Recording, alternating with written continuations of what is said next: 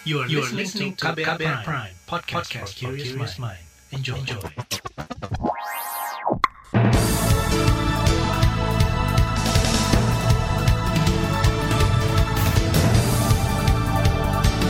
Selamat pagi saudara, jumpa lagi di program Buletin Pagi edisi Selasa 7 Desember 2021. Saya Roni Sitanggang. Sejumlah informasi pilihan telah kami siapkan. Di antaranya, jumlah korban tewas erupsi Semeru menjadi 22 orang. Pemerintah memproses draft Kepres penyelesaian pelanggaran HAM berat. Data HIV/AIDS di Papua lampaui 46 ribuan kasus. Inilah buletin pagi selengkapnya. Terbaru di buletin pagi. Saudara Presiden Joko Widodo pagi ini dijadwalkan menemui korban erupsi Semeru di Lumajang, Jawa Timur. Kepala negara akan memantau pelaksanaan status tanggap darurat di sejumlah posko pengungsian dan rumah sakit. Presiden Jokowi juga akan menyampaikan sejumlah bantuan kemanusiaan untuk para korban. Sementara itu Menko Pembangunan Manusia dan Kebudayaan Muhajir Effendi mengatakan, pemerintah saat ini terus mengutamakan layanan kesehatan bagi pengungsi dan korban luka akibat erupsi Semeru. Korban harus diutamakan, terutama korban yang uh, cedera ya, dan sekarang ini cederanya istimewa karena uh, kebakaran tubuh dan tidak kurang dari 12 orang yang mengalami kebakaran tubuh uh, sampai di atas 80 persen dan itu harus diselamatkan. Dan untuk yang sakit berat ini saya juga sudah minta Pak Menkes untuk segera mengirim tenaga bantuan dokter, spesialis bedah plastik, dan juga peralatan dan obat-obatan, upayakan peralatan dan obatan yang terbaik lah.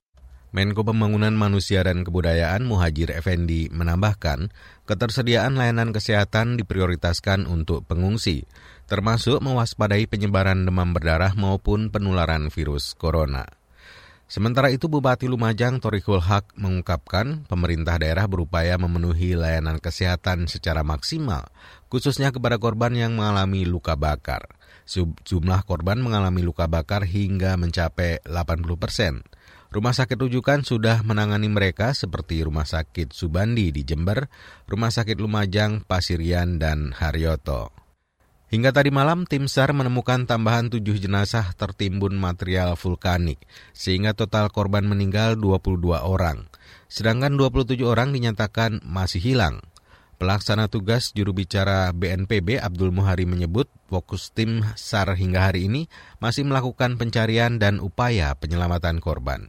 Kami juga menerima laporan bagaimana disampaikan oleh Pusdalop BNPB eh, masih ada 27 korban hilang yang saat ini masih menjadi fokus pencarian oleh tim pencarian dan penyelamatan korban dan total masyarakat terdampak baik itu di dua kecamatan yang terdampak langsung guguran awan panas maupun di delapan kecamatan yang terdampak debu vulkanik sejumlah 5.205 orang. Juru bicara BNPB Abdul Muhari menambahkan, selain fokus mencari korban, upaya memenuhi kebutuhan pengungsi juga terus dilakukan. Saat ini ada 2 ribuan pengungsi tersebar di 19 titik. Pengungsi paling banyak ada di Kecamatan Candipuro, Pasirian, dan Pronojiwo. Saudara relawan menyatakan terkendala sejumlah hal saat menangani korban erupsi Semeru. Menurut anggota tim aksi cepat tanggap ACT Kusmayadi, kendala itu misalnya pelaksanaan evakuasi dan potensi penularan COVID-19 di posko pengungsian. Kusmayadi bertugas di desa Supiturang, Kecamatan Pronojiwo, Kabupaten Lumajang, Jawa Timur yang paling parah terdampak awan panas maupun guyuran lahar dingin.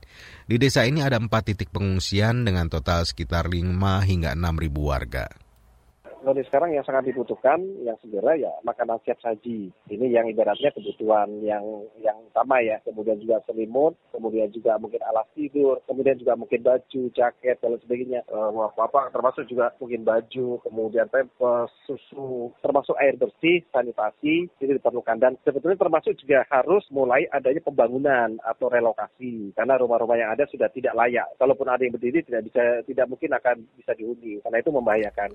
Anggota tim aksi cepat tanggap ACT Kusmayadi menambahkan, evakuasi korban juga terkendala cuaca buruk, ditambah lagi dengan erupsi susulan dan potensi lahar dingin yang mengancam.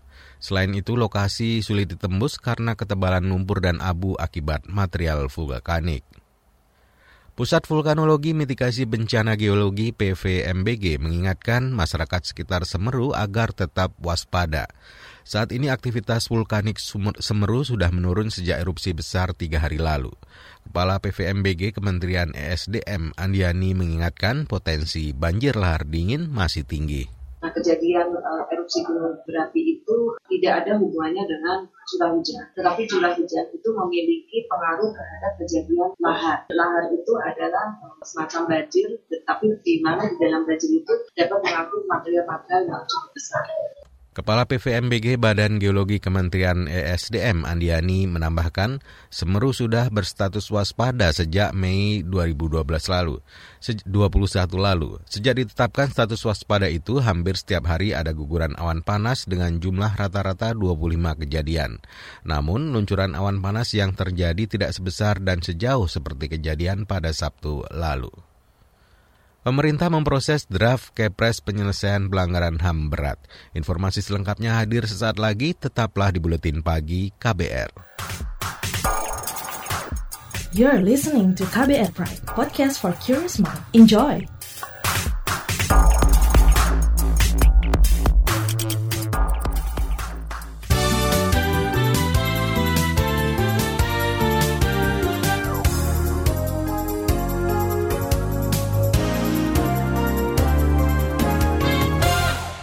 Anda sedang mendengarkan buletin pagi KBR. Saudara pemerintah memperpanjang pemberlakuan pembatasan kegiatan masyarakat PPKM level 1 hingga 3 luar Jawa Bali mulai hari ini hingga 23 Desember mendatang. Menteri Perekonomian sekaligus Koordinator PPKM Luar Jawa Bali, Erlangga Hartato, menyatakan pada periode ini sebanyak 129 kabupaten kota berada di level 1. Angka ini meningkat dibanding periode lalu yaitu 51 kabupaten kota. Lalu 193 kabupaten kota berada di level 2, meningkat 175 kabupaten kota. Sedangkan yang berada di level 3 turun dari 160 menjadi 64 kabupaten kota. Kata Erlangga, masih ada sejumlah daerah di luar Jawa Bali yang angka vaksinasinya rendah atau kurang dari 50 persen. Daerah itu adalah Sulawesi Barat, Sulawesi Selatan, Maluku Utara, Sulawesi Tengah, Papua Barat, Maluku, Sulawesi Tengah, Aceh, dan Papua. Wakil Menteri Hukum dan HAM Edi Hiraj menyebut sudah ada draft keputusan Presiden terkait penyelesaian pelanggaran HAM berat di masa lalu. Edi mengklaim draft Kepres itu masih berproses uh, saya tetap ingin menegaskan bahwa ini adalah suatu tanggungan pemerintah mengenai penyelesaian pelanggaran berhak di masa yang lalu dan saya mau katakan bahwa ini in progress ya untuk menuju kepada keluarnya Kepres tersebut atau peraturan presiden sembari kita uh, menyusun rancangan undang-undang tentang Komisi Kebenaran dan uh, Rekonsiliasi. Menkumham Edi Hiarits menambahkan draft Kepres berisi tiga poin, yakni pengungkapkan kebenaran terkait pelanggaran HAM berat di masa lalu, rehabilitasi terhadap korban, serta jaminan bahwa pelanggaran HAM berat di masa lalu tidak terulang. Saudara penyelesaian 12 kasus pelanggaran HAM berat belum juga menemui titik terang. Ketua Komnas HAM Ahmad Taufan Damanik menilai terus terjadi tarik ulur antara lembaganya dengan Kejaksaan Agung terkait upaya penyelesaian belasan pelanggaran HAM berat tersebut. Komisi Hukum DPR dan pemerintah sepakat membawa revisi Undang-Undang Kejaksaan untuk dibahas dan disahkan di tingkat paripurna. Paripurna pengesahan rencananya digelar pekan ini. Keputusan tersebut disetujui melalui rapat kerja Komisi 3 yang dipimpin Bambang Wuryanto kemarin.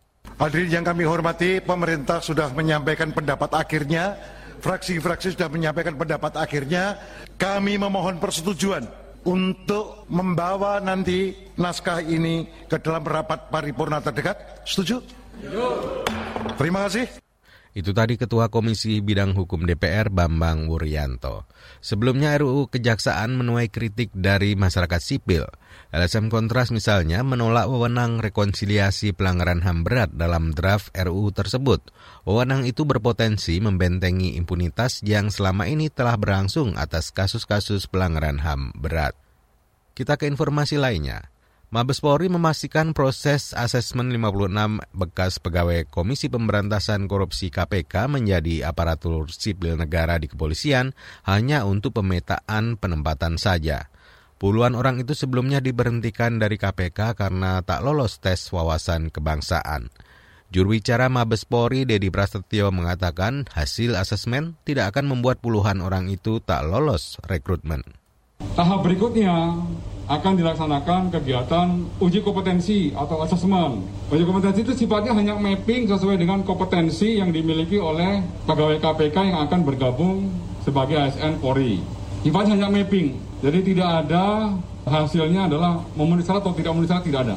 Hanya mapping sesuai dengan kompetensi baru nanti ditempatkan sesuai dengan ruang jabatan yang sudah disediakan berdasarkan keputusan Kementerian PAN. Juru bicara Mabes Polri Dedi Prasetyo menjelaskan sejauh ini proses yang sudah dilalui yakni sosialisasi peraturan kepolisian mengenai pengangkatan puluhan ex pegawai KPK jadi ASN Polri. Di dalamnya ada proses penandatanganan kesediaan ditempatkan menjadi ASN. Dalam sosialisasi kemarin ada 52 orang yang hadir. Bekas penyidik KPK Stefanus Robin Patuju dituntut 12 tahun penjara dalam sidang di Pengadilan Tipikor Jakarta. Stefanus dan rekan advokat Maskur Hussein dinilai terbukti menerima suap sebesar 11,5 miliar rupiah terkait kepengurusan lima perkara di KPK. Robin juga dituntut membayar uang pengganti negara sebesar 2,3 miliar. Bila tidak, hartanya akan disita untuk dilelang. Sementara itu bekas Wakil Ketua DPR Asis Samsudin didakwa memberi suap sebesar 3,6 miliar ke Stefanus Robin dan Maskur. Suap itu terkait kepengurusan penyelidikan perkara KPK di Lampung Tengah. Beralih ke informasi ekonomi. Restrukturisasi kredit debitur perbankan dan jasa pembiayaan pada kuartal 4 tahun ini mengalami penurunan seiring pelonggaran PPKM dan percepatan vaksinasi. Ketua Dewan Komisaris Otoritas Jasa Keuangan OJK Wimbo Santoso mengatakan, pada Oktober restrukturisasi kredit pembiayaan mencapai 700 triliun lebih dengan 4 jutaan debitur. Kredit yang kemarin yang yang betul-betul terkena itu ada hotel, transportasi, rumah makan, toko, mall, itu rata-rata yang kena yang sangat berat dan size-nya gede kalau warung itu Tegal itu tutup sementara terus begitu orang lalu lalang buka lagi. Tapi kalau mall, hotel berbintang lima mau buka itu kan harus manggilin pegawainya dulu. Ketua Dewan Komisaris OJK Wimbo Santoso menambahkan penetrasi penyaluran kredit mengalami pergerakan positif. Salah satunya kredit UMKM yang tumbuh sebesar 3,35 persen atau 1 triliun rupiah. Kata dia seluruh jenis kredit meningkat, namun untuk kredit investasi masih mengalami kontraksi minus 0,12 persen. Kita ke informasi mancanegara. Saudara Thailand mendeteksi kasus pertama COVID-19 varian Omicron. Kasus itu terdeteksi pada warga Amerika yang baru melakukan perjalanan dari Spanyol akhir bulan lalu. Saat ini otoritas kesehatan Thailand melakukan tes lebih lanjut terhadap orang yang berkontak dengan pria tersebut. Sejauh ini Thailand menjadi negara ketiga di Asia Tenggara yang mendeteksi kasus varian Omicron sesudah Malaysia dan Singapura. Beralih ke informasi olahraga. Perwakilan PSSI, PT Liga Indonesia Baru, dan Kemenpora kemarin mendiskusikan rencana menghadirkan penonton di stadion pada babak delapan besar Liga 2 pertengahan bulan ini. Kata Ketua Umum PSSI Muhammad Iriawan dalam tahap uji coba, hanya penonton dengan undangan yang boleh menyaksikan langsung pertandingan. Para penonton ini terutama dari supporter klub yang bertanding dan diundang hadir dengan jumlah terbatas. Kita ke Liga Inggris. Everton menundukkan Arsenal dengan skor 2-1 dalam laga pekan ke-15 Liga Inggris di Stadion Goodison Park dini hari tadi waktu Indonesia Barat. Kemenangan pertama dalam 9 pertandingan terakhir itu membuat tim besutan Rafa Benitez naik ke posisi 12 klasemen dengan koleksi 18 poin. Sedangkan Arsenal yang menderita dua kekalahan beruntun tertahan di urutan ketujuh dengan 23 poin. Saudara di bagian berikutnya kami hadirkan laporan khas KBR bertajuk Waspada 20-an gunung api di Indonesia status siaga dan waspada. Tetaplah di Buletin Pagi KBR. You're listening to KBR Pride, podcast for curious mind. Enjoy!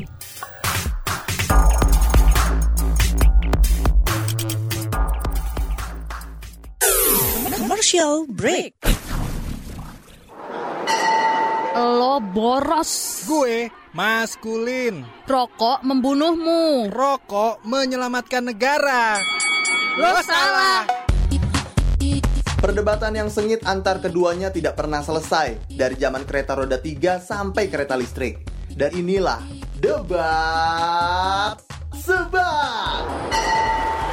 Membahas fakta dan mitos yang ada di balik sebungkus rokok. Dengarkan podcast Debat Sebat di KBR Prime, Spotify, dan semua platform mendengarkan podcast lainnya. Diproduksi KBR Prime, podcast for curious minds.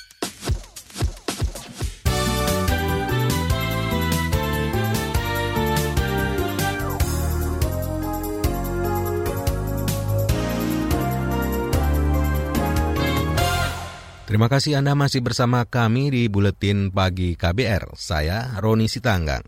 Saudara Indonesia berada dalam wilayah Ring of Fire atau cincin api Pasifik yang rentan terjadi gempa bumi dan letusan gunung api. Ada puluhan gunung berapi aktif dan puluhan di antaranya saat ini berstatus siaga dan waspada atau level 2 dan 3. Salah satu gunung Semeru, salah satunya Gunung Semeru di Lumajang, Jawa Timur yang erupsi pada Sabtu pekan lalu. Lantas, langkah mitigasi seperti apa yang harus dilakukan agar tidak ada korban? Berikut kita simak laporan khas KBR yang disusun Reski Novianto. Allah. Astagfirullah. Allah, Allah, Allah, Allah, ya Allah. Waduh. Sampai kok gini terus. Wis. Cuma lho. Gunung Semeru yang berada di Kabupaten Lumajang, Jawa Timur erupsi akhir pekan kemarin. Kejadian mendadak ini lantas membuat warga panik dan lari menyelamatkan diri menuju lokasi aman. Dari data BNPB, erupsi Semeru menyebabkan 15 orang meninggal, 27 orang hilang, dan 56 terluka. Erupsi Gunung Semeru juga berdampak di delapan kecamatan yang menyebabkan sekitar 1.300 orang mengungsi. Peristiwa ini lantas menjadi pengingat bahwa erupsi gunung berapi dapat terjadi kapan saja. Saat ini, tak hanya Gunung Semeru yang menunjukkan aktivitas seismiknya.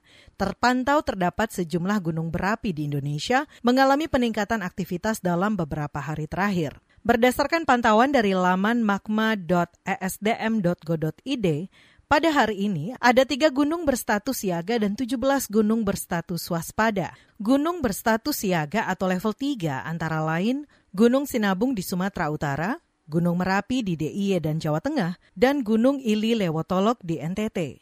Sementara gunung berstatus waspada atau level 2 antara lain Gunung Raung dan Gunung Bromo di Jawa Timur, Gunung Anak Rakatau di Lampung, Gunung Dukono, Gunung Gamalama, Gunung Ibu dan Gunung Gamkonara di Maluku Utara, Gunung Agung di Bali, Gunung Banda Api di Maluku, dan Gunung Kerinci di Jambi. Kepala Pusat Vulkanologi dan Mitigasi Bencana Geologi PVMBG Andiani menyatakan sudah sedari awal memitigasi bencana erupsi maupun letusan gunung berapi seperti yang terjadi di Semeru. Dia memastikan informasi terkini terkait aktivitas terbaru gunung berapi serta koordinasi dengan berbagai stakeholder terus dilakukan untuk memantau seluruh gunung api di Indonesia.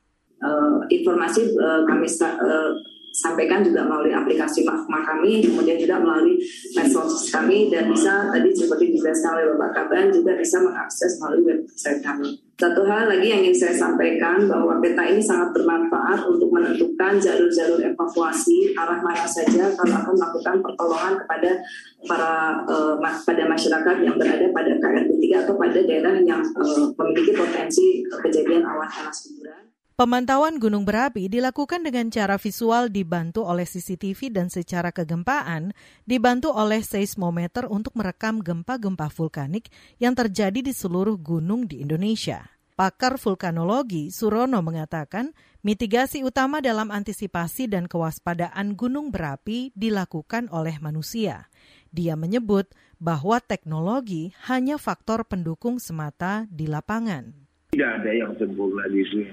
Bahwa teknologi, sumber daya manusia itu sedikit cukup banyak kurang. Hmm. Kalau dikatakan kok teknologinya kurang ya kurang mau mengejar sampai batas mana kok SDM-nya apa kurang tapi kalau dibandingkan dengan Jepang satu gunung api 5 dokter sampai 10 dokter ya kurang Menurut Surono, mitigasi gunung berapi bukan hanya soal ramal-meramal, namun pemerintah daerah dan seluruh masyarakat harus paham serta cekatan dalam membaca rekomendasi dan prediksi.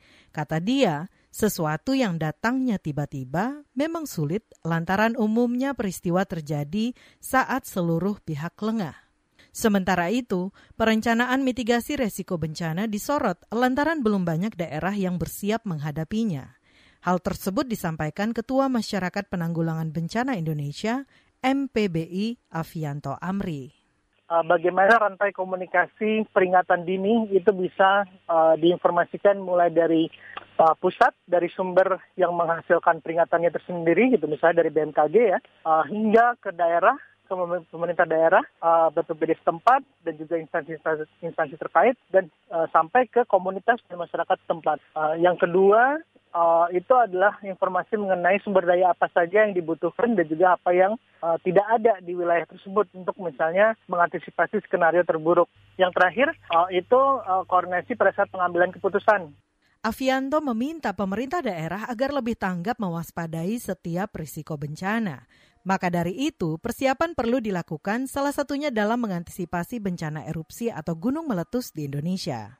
Demikian laporan khas KBR disusun Reski Novianto. Saya Aika Renata. Informasi dari berbagai daerah akan hadir usai jeda. Tetaplah bersama Buletin Pagi KBR. You're listening to KBR Pride, podcast for curious mind. Enjoy!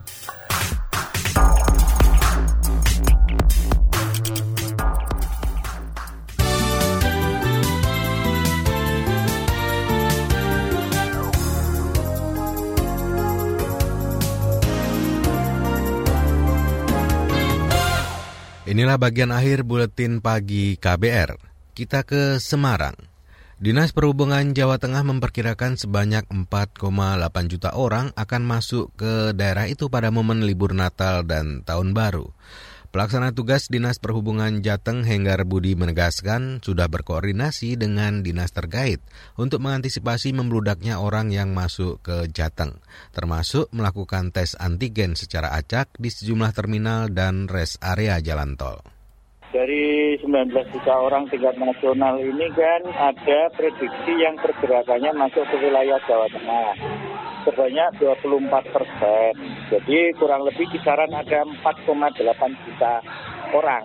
Nanti kita akan melakukan posko ya. Posko ini juga nanti tentunya kalau di lapangan itu hanya sifatnya sampling random ya.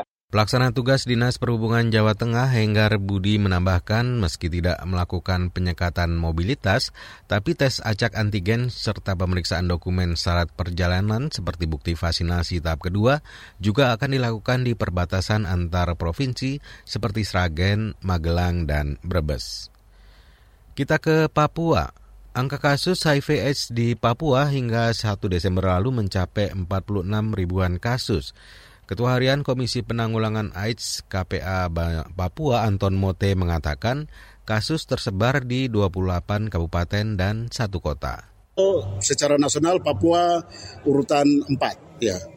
Itu untuk HIV. Tetapi untuk kasus uh, AIDS ya, AIDS adalah pasien yang sudah bergejala uh, itu kita urutan satu. Dan ini memang uh, cukup cukup mengancam sekali. Ketua Harian KPA Provinsi Papua Anton Mote menambahkan dua daerah di Papua yang menempati urutan teratas angka HIV AIDS adalah Kota Jayapura dan Kabupaten Nabire. Hingga kini jumlah kasus HIV AIDS di Jayapura mencapai 500-an orang dan Kabupaten Nabire 400-an orang. Kita ke ibu kota. Ketua Komnas Anti Kekerasan Terhadap Perempuan Komnas Perempuan Andi Yentiriani mengatakan kasus kekerasan seksual yang berakhir bunuh diri mahasiswi berinisial NWR di Mojokerto, Jawa Timur menjadi pengingat bahwa Indonesia sedang darurat kekerasan seksual. Andi menyebut kasus NWR adalah sebuah situasi yang memprihatinkan sekaligus pelajaran berharga bagi penanganan korban kekerasan seksual bukan saja karena kasus-kasusnya semakin banyak dilaporkan dan semakin kompleks kasusnya, tetapi juga memang daya penanganan untuk kasus kekerasan seksual uh, secara khususnya terhadap perempuan itu sebetulnya sangat-sangat terbatas dan rapuh. Akibatnya banyak sekali kasus yang bisa jadi tidak terlaporkan dan kalaupun terlaporkan tidak tertangani dengan baik. Sepanjang tahun ini Komnas Perempuan mencatat ada 4.500 kasus kekerasan seksual hingga Oktober lalu. Angka ini naik dua kali lipat dari jumlah kasus tahun lalu. Ketua Komnas Perempuan Andi Yentriani juga mengingatkan urgensi pengesahan rancangan Undang-Undang Tindak Pidana Kekerasan Seksual, terutama menghapus hak impunitas kepada pelaku dan menekankan pemulihan korban sebagai prioritas. Sebelumnya mahasiswi berinisial NWR 23 tahun ditemukan meninggal di dekat makam ayahnya di Desa Japan, Kabupaten Mojokerto, Jawa Timur. NWR diduga nekat mengakhiri hidup dengan meminum racun karena mengalami tekanan mental atau depresi akibat dipaksa aborsi oleh kekasihnya yang ternyata anggota polisi. Saat ini kepolisian Jawa Timur sudah menahan dan memproses Bribda RB yang merupakan kekasih korban. Saudara informasi tadi menutup jumpa kita di Buletin Pagi. Pantau juga informasi terbaru melalui kabar baru situs kbr.id, Twitter kami di akun @beritaKBR, serta podcast di alamat kbrprime.id. Akhirnya saya, Roni Sitanggang, bersama tim yang bertugas undur diri, salam.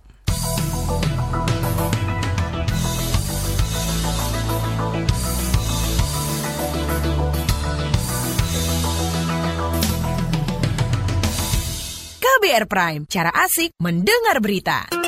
KBR Prime, podcast for curious mind.